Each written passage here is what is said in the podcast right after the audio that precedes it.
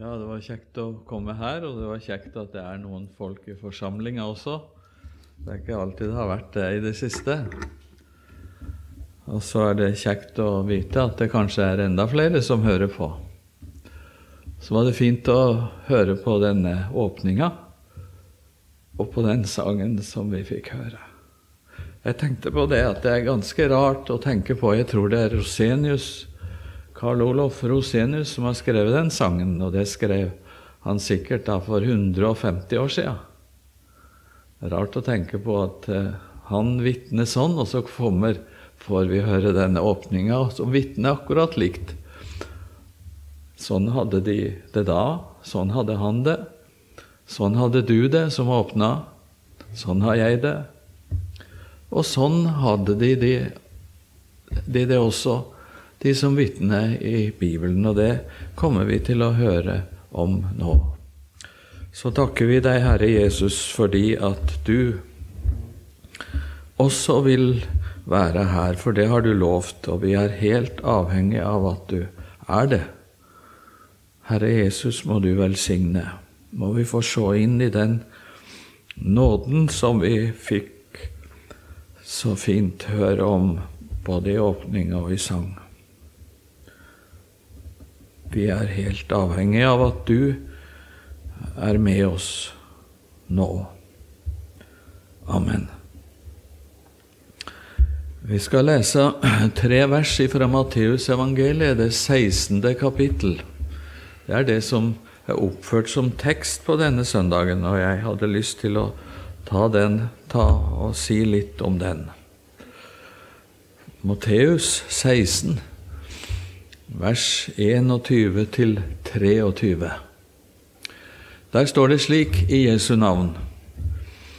Fra den tiden begynte Jesus å gjøre det klart for disiplene sine at han måtte dra til Jerusalem, og at han skulle lide mye av de eldste og ypperste prestene og de skriftlærde, at han skulle bli slått i hjel, og at han skulle reises opp på den tredje dagen. Da tok Peter ham til side og ga seg til å rettesette ham og sa, Gud fri deg, Herre, dette må aldri skje deg. Men han, altså Jesus, snudde seg og sa til Peter, Vik bak meg, Satan. Du er til anstøt for meg for du har ikke sans for det som hører Gud til, men bare for det som hører menneskene til. Amen. Eh, I konfirmasjonsbibelen min, som jeg fikk i 1957, tror jeg det var Da skjønner dere hvor gammel jeg er. Da, der sto det ikke akkurat sånn. Der sto det slik at Jesus fra da av begynte å gjøre det klart for disiplene sine at han skulle dra til Jerusalem. Altså Det, det antyda at Jesus skulle være der i Jerusalem om en stund, og det var noe som skulle skje litt lenger framme. Men i Bibelen min og i de fleste oversettelsene, kanskje alle på norsk, som brukes nå, der står det altså ikke slik, men det står at han måtte dra til Jerusalem. Det var noe som, som, som han var forplikta til. Han måtte dra til Jerusalem. Han måtte dra dit hvor det skulle være så mye lidelse og faktisk også død. Og det var slik at eh, at han grudde for det. Det står det et annet sted. Min, men én dåp har jeg å døpes med, og hvor jeg gruer til den er fullført. Det, var noe som var tungt for han, men han måtte dra. Og når Jesus kom til Jerusalem litt seinere og, og han på skjærtorsdagen gikk inn i Getsemanehagen, så ser vi det enda klarere. Han eh, ba til sin far om det fantes en mulighet for at han kunne slippe å oppleve det han visste lå foran seg. Var det noen annen måte å gjøre det på? Og vi husker det at han sier til disiplene sine i Getsemanehagen at 'min sjel er bedrøvet inntil døden'. Bli her og våk med meg. Og så, og så står det at han gikk et stykke bort, ser du det for deg, og han falt på sitt ansikt, står det.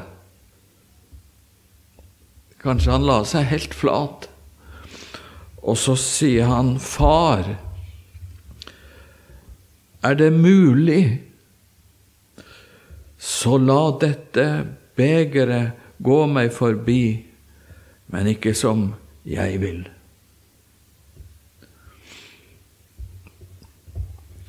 Det var altså egentlig hans far som hadde bestemt dette her. At han måtte dra dit. At han måtte gjennomgå det som lå foran ham. At han skulle lide mye, og at han skulle dø, men også at han skulle stå opp igjen den tredje dag. Ja, bli reist opp, står det. Det var Gud som skulle gjøre det òg. Det var Guds vilje at han måtte dra. Og det bekrefta Jesus også, husker dere overfor Pilatus. Men det var ikke mulig. Han måtte dra. Og når, når, Jesus sier dette som ligger foran han, så var det jo egentlig ikke så underlig at Peter, som var glad i denne personen, at han sier til Jesus og tar han til sides. Det var vel Han ville vel gjøre noe godt. Og så sier han, 'Det må aldri skje deg'. Var ikke det helt naturlig? Jeg synes på en måte det. Peter ville Jesus det gode. Og jeg har undra meg over de sterke ord som Jesus bruker. Han kaller han Satan. Som sier noe sånt. Like før den teksten som vi har, så, så bruker Jesus to andre navn på, på Peter. For Peter har nettopp bekjent og sagt til Jesus, 'Du er Messias, den levende Guds sønn'. Og så svarer Jesus og sier, Salig er du, Simon, Jonas' sønn. For det er ikke kjøtt og blod som har åpenbart dette for deg, men min Far i himmelen. Jeg sier deg, du er Peter, og på denne klippen vil jeg bygge min menighet, og dødsrikets porter skal ikke få makt over den. Gud hadde åpenbart noe for, for Simon, Jonas' sønn. Han hadde åpenbart at at uh, denne mannen, Jesus, han var Guds sønn.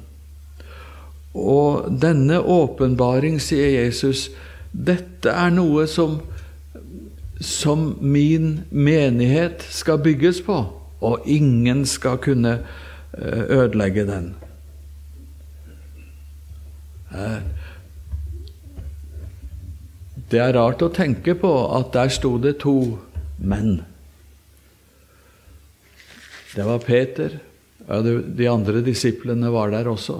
Og så står Jesus der. Han var akkurat som de andre. Altså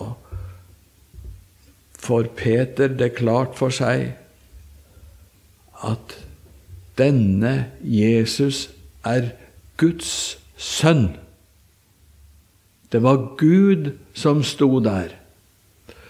Og det, det er ikke noe som Peter kan resonnere seg fram til, selv om han visste at det var en merkelig mann. Han hadde opplevd mye som han hadde gjort, men likevel Guds sønn.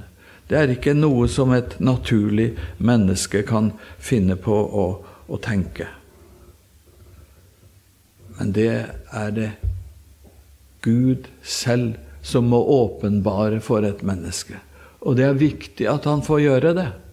For deg og meg òg. Johannes sier det i sitt første brev at den som bekjenner at Jesus er Guds sønn, i ham blir Gud, og han i Gud.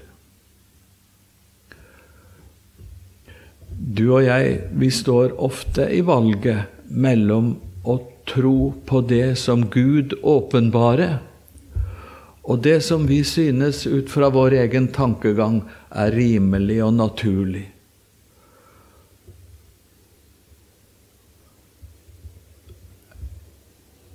Det kan ofte være vanskelig eller koste noe å bekjenne at jeg tror på det som Gud sier. Ikke det som jeg for så vidt ut fra min tankegang kan finne naturlig. Men det er det som er viktig. At vi tror det Gud åpenbarer.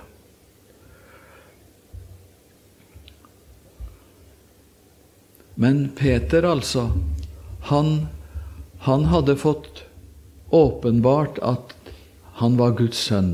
Men han var fremdeles også Peter Jonas' sønn, eller Simon Jonas' sønn.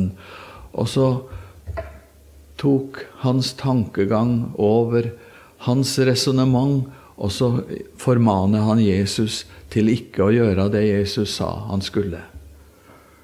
Og da er det Jesus sier til han, Du har ikke sans for det som hører Gud til, men bare det som hører menneskene til.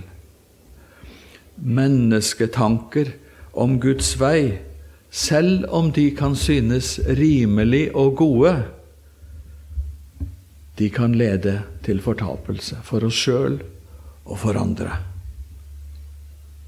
Ja, til og med for Jesus var det slik. Han sier til Peter, 'Du er til anstøt for meg', sier han. Det var Satan Jesus møtte i det Peter sa. Det var en fristelse, en prøve for Jesus. Og det skal du og jeg også være klar over. At om vi møter noe som ikke er etter Guds ord, men som vi synes for så vidt kan være fornuftig, så er det likevel farlig tankegang.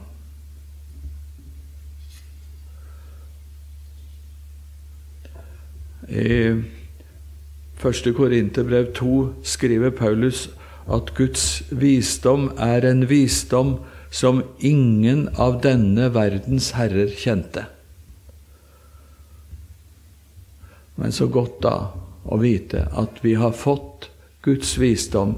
Han har åpenbart det i sitt ord, og det er der vi skal, skal få lov å høste eller få den kunnskap som er rett. Så har jeg tenkt på hva var det hva var bakgrunnen for at Jesus måtte dra til Jerusalem? Hva, hva, var det som var årsaken til det? Hva var det som pusha han den veien? Jo, vi sa at det var Gud. Men det er særlig én ting som eh, jeg har tenkt på nå i forbindelse med denne teksten. At han måtte dra. Det var på grunn av Guds kjærlighet. Det var på grunn av kjærlighet at han måtte dra. Fordi Gud elska verden, står det. Det var ikke bare noen mennesker, noen spesielle mennesker Gud elska. Det var ikke bare de som, som er fromme, og som vi syns kunne være naturlig. Det var ikke bare jødene heller, som var Guds utvalgte folk. Det står at han elska verden. Ja, verden der inkluderer jo Den inkluderer jo oss alle. Men det inkluderer alt det han hadde skapt. Hele skaperverket som han en gang hadde sagt var såre godt, men som menneskenes synd hadde ødelagt. Det elska Gud. Det står vet dere, i det kjente verset Johannes 3, 16, For så har Gud elska verden, at han ga sin sønn den enbårne, for at hver den som tror på ham, ikke skal fortapes, men ha evig liv. Han elska kosmos, står det på gresk. Hele verden.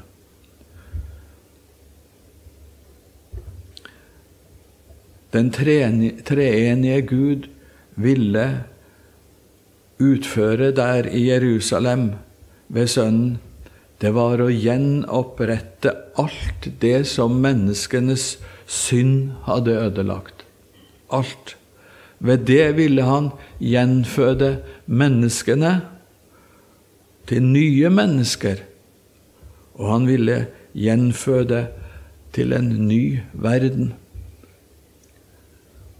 Han har lovt at en gang så skal den verden som vi lever i, den skal rulles sammen som et gammelt kledebånd, står det i den gamle eh, oversettelsen i, i Hebreerbrevet.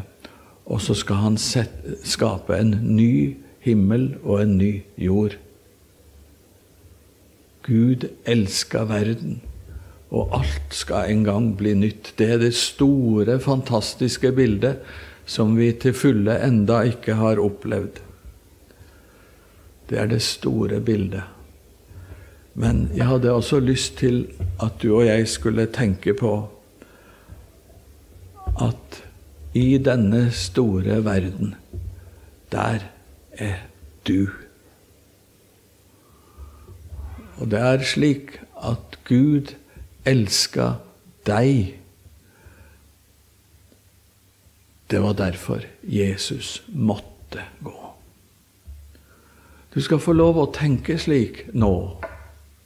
Ikke tenk på andre, men tenk på det at når Jesus sier at 'jeg må gå til Jerusalem, og der skal jeg lide', osv., så, var det fordi at han elska deg. Du som er her i salen, og du som sitter og hører et annet sted.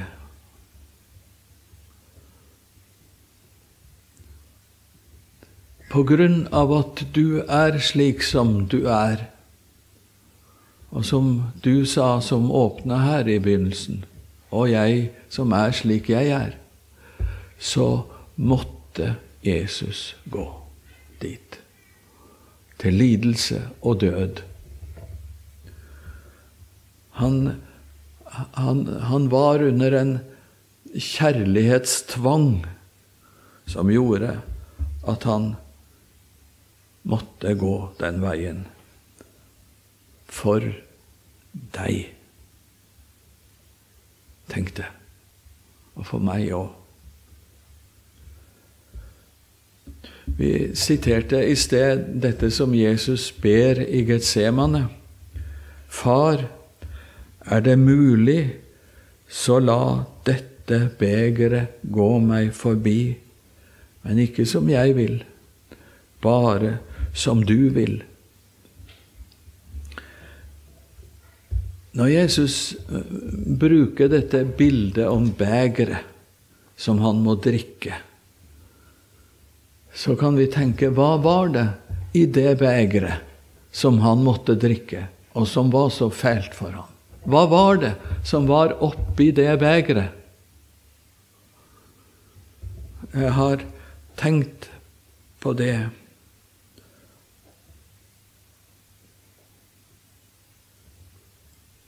At uh, vi får finne litt av bakgrunnen for det når vi leser i 2. Korinterbrev, det femte kapittel og 21. verset.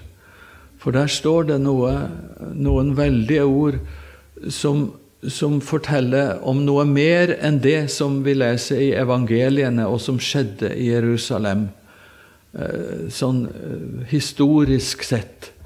Sånn som eh, de kunne finne ut, de som spurte hva var det som foregikk.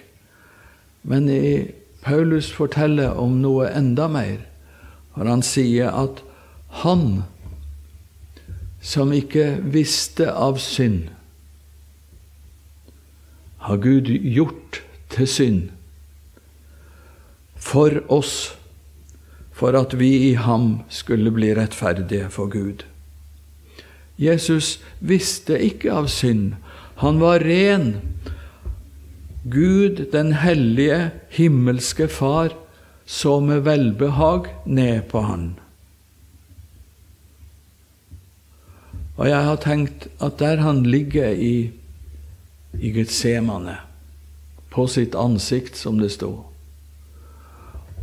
og spurte var det mulig at han kunne slippe å drikke det begeret, kunne Gud gjøre det på en annen måte? Så har jeg tenkt at i det begeret, der lå alle mine synder.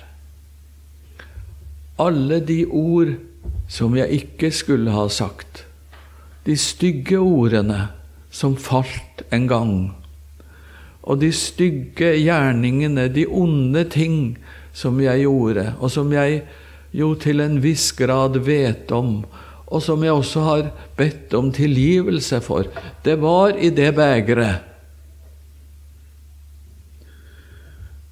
Og, og, og der var også alt det jeg ikke gjorde, men skulle ha gjort. Alle forsømmelser alle de gode gjerningene som jeg ikke gjorde fordi jeg ikke orka, eller fordi jeg ikke ville. Det lå der.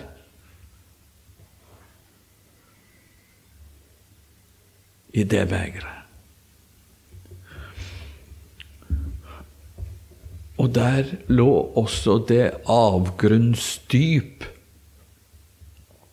i mitt hjerte som jeg ikke ser, og som jeg ikke kan sette navn på, men som er selve opphavet til synda, til alle onde gjerninger, til alle forsømmelser, til de urene tanker, til eh, misunnelse og hovmod og hva, gjerrighet og hva det er, og som ikke dere ser at jeg har,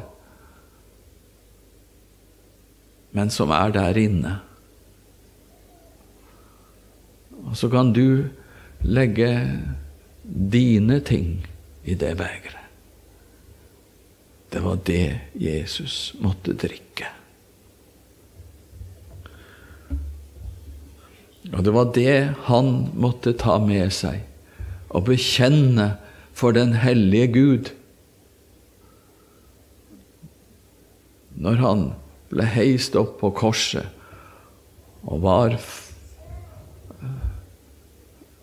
måtte ta den straff som du og jeg skulle ha hatt.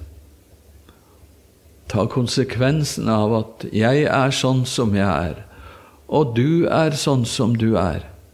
Han tok det. Det var i det begeret. Skulle du og jeg bli frelst, så måtte han ta det. Han måtte. Hans kjærlighet tvang han, og han måtte gjøre det for oss og for alle mennesker i hele verden. Ja, for kosmos, som det sto. Og så til slutt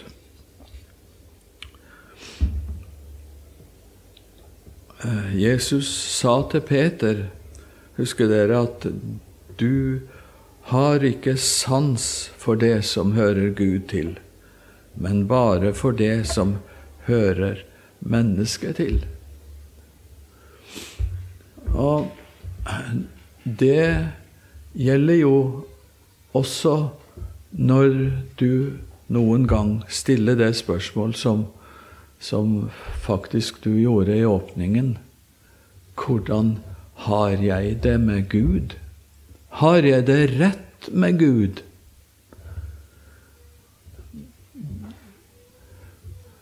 Det er ofte vi tenker sånn, og jeg tror det er rett å tenke sånn. For det er også mange som kan bedra seg selv, og vi kan òg det. Jesus har advart sterkt imot det. Dere husker lignelsen om de ti eh, brudejomfruene, som, som jo er bildet på den kristne menighet, og så sier Jesus til halvparten av de har aldri kjent dere. Det går an å bedra seg selv. Det går an å kunne evangeliet og vite hvordan det er, og det blir liksom som et regnestykke. Ti minus ti er null. Det går an å kunne evangeliet på den måten. Og jeg plages ofte med det, for jeg har jo studert dette her. Men eh, det er ikke det Jesus ser etter, men han ser etter om det er liv. Er det liv? Er du enok født på nytt? Følger jeg Jesus? Og det er ofte vanskelig å svare på. Og da også er det slik at vi må gå til åpenbaringen, Guds åpenbaring, for å svare rett. Både at vi ikke bedrar oss selv,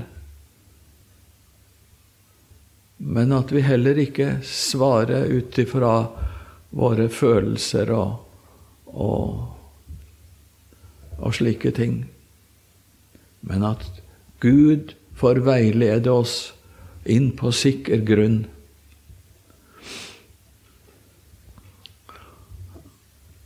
Vi spør vel slik som Per Nordsletten spør i en sang som vi finner i sangboka vår. Per Nordsletten var en, en eh, forkynner. Jeg tror han var fra Lesja. Og så spør han i sangen O min frelser så kjær, kan du slik som jeg er, ta imot meg og feste til brud? Og kan du ha meg kjær rett så heslig jeg er, da er du en forunderlig Gud.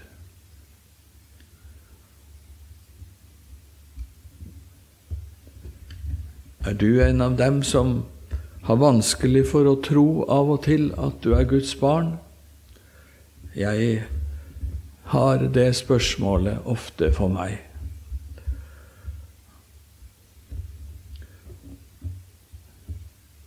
Og det er ikke bare Per Nordsletten og jeg som stiller det spørsmålet. Paulus hadde det også sånn. Han, han som var apostel, han sier i, i, slutten av sitt liv det er et troverdig ord og fullt verdt å motta at Jesus Kristus kom til verden for å frelse syndere, og blant dem er jeg den største, sier han. Det er vanskelig å være den største av alle syndere og tro at du hører Jesus til. Og han sier i Romerbrevet 'Jeg elendige menneske'. Hvem skal fri meg fra dette dødens legeme? Jeg, jeg har det ofte slik at når jeg går og så tenker, og så midt i tankegangen så, så tenker jeg æsj, at jeg kan tenke sånn. At disse tankene kan være, være her. Hovmodstanker og urene tanker og hva det kan være. Jeg elendige menneske. Men Paulus svarer på det rett etterpå, og så sier han det er ingen fordømmelse for dem som er i Kristus Jesus.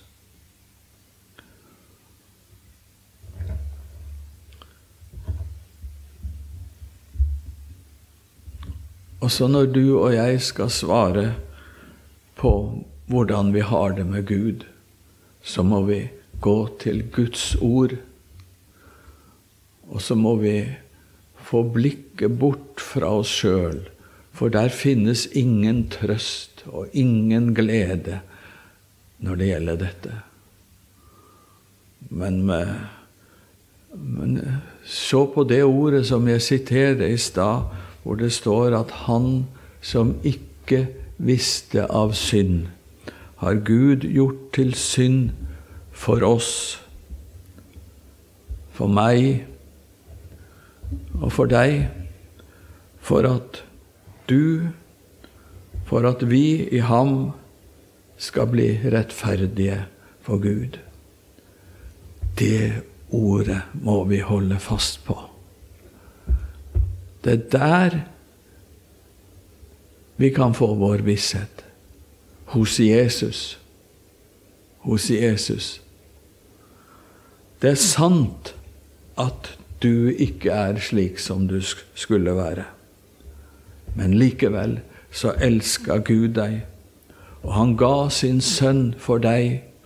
Hans sønn måtte gjennomgå det han måtte gjennomgå i påska for 2000 år siden. For at du skulle bli frelst. For at du skulle lite på det og holde fast på det ordet. For at du ikke skal gå fortapt. Det er Han som er grunnlaget for at du kan bli frelst. Og Derfor så synger også Per Nordsletten eh, i den samme sangen litt lenger uti ja, ditt ord sier så, at jeg nåde skal få, at du ikke min synd minnes mer.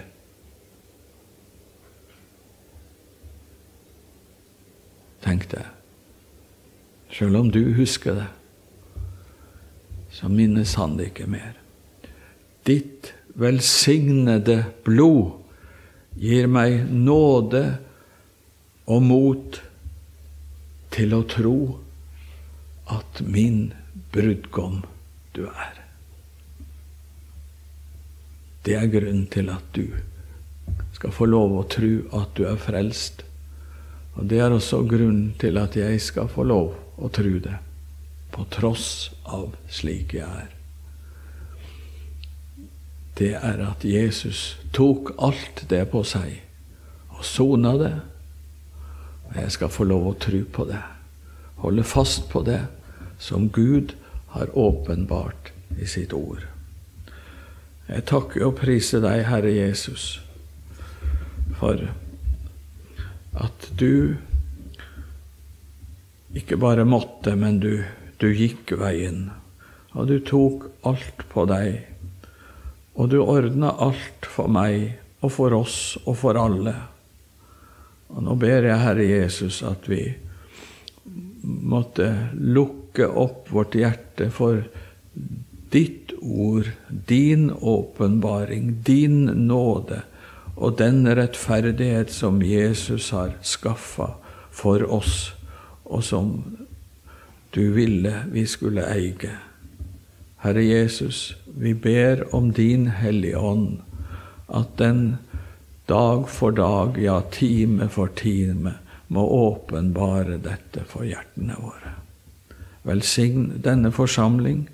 Velsign oss nå når vi har ei vanskelig tid og vi ikke kan møtes sånn som uh, gir oss styrke og også samfunn og glede av å være i lag. Herre, må du gjøre det slik at ikke det at, at selv om vi ofte er alene, at vi kan være sammen med deg der hvor vi er. Herre, velsigne oss og styrke oss. Vi ber om det i Jesu navn. Amen.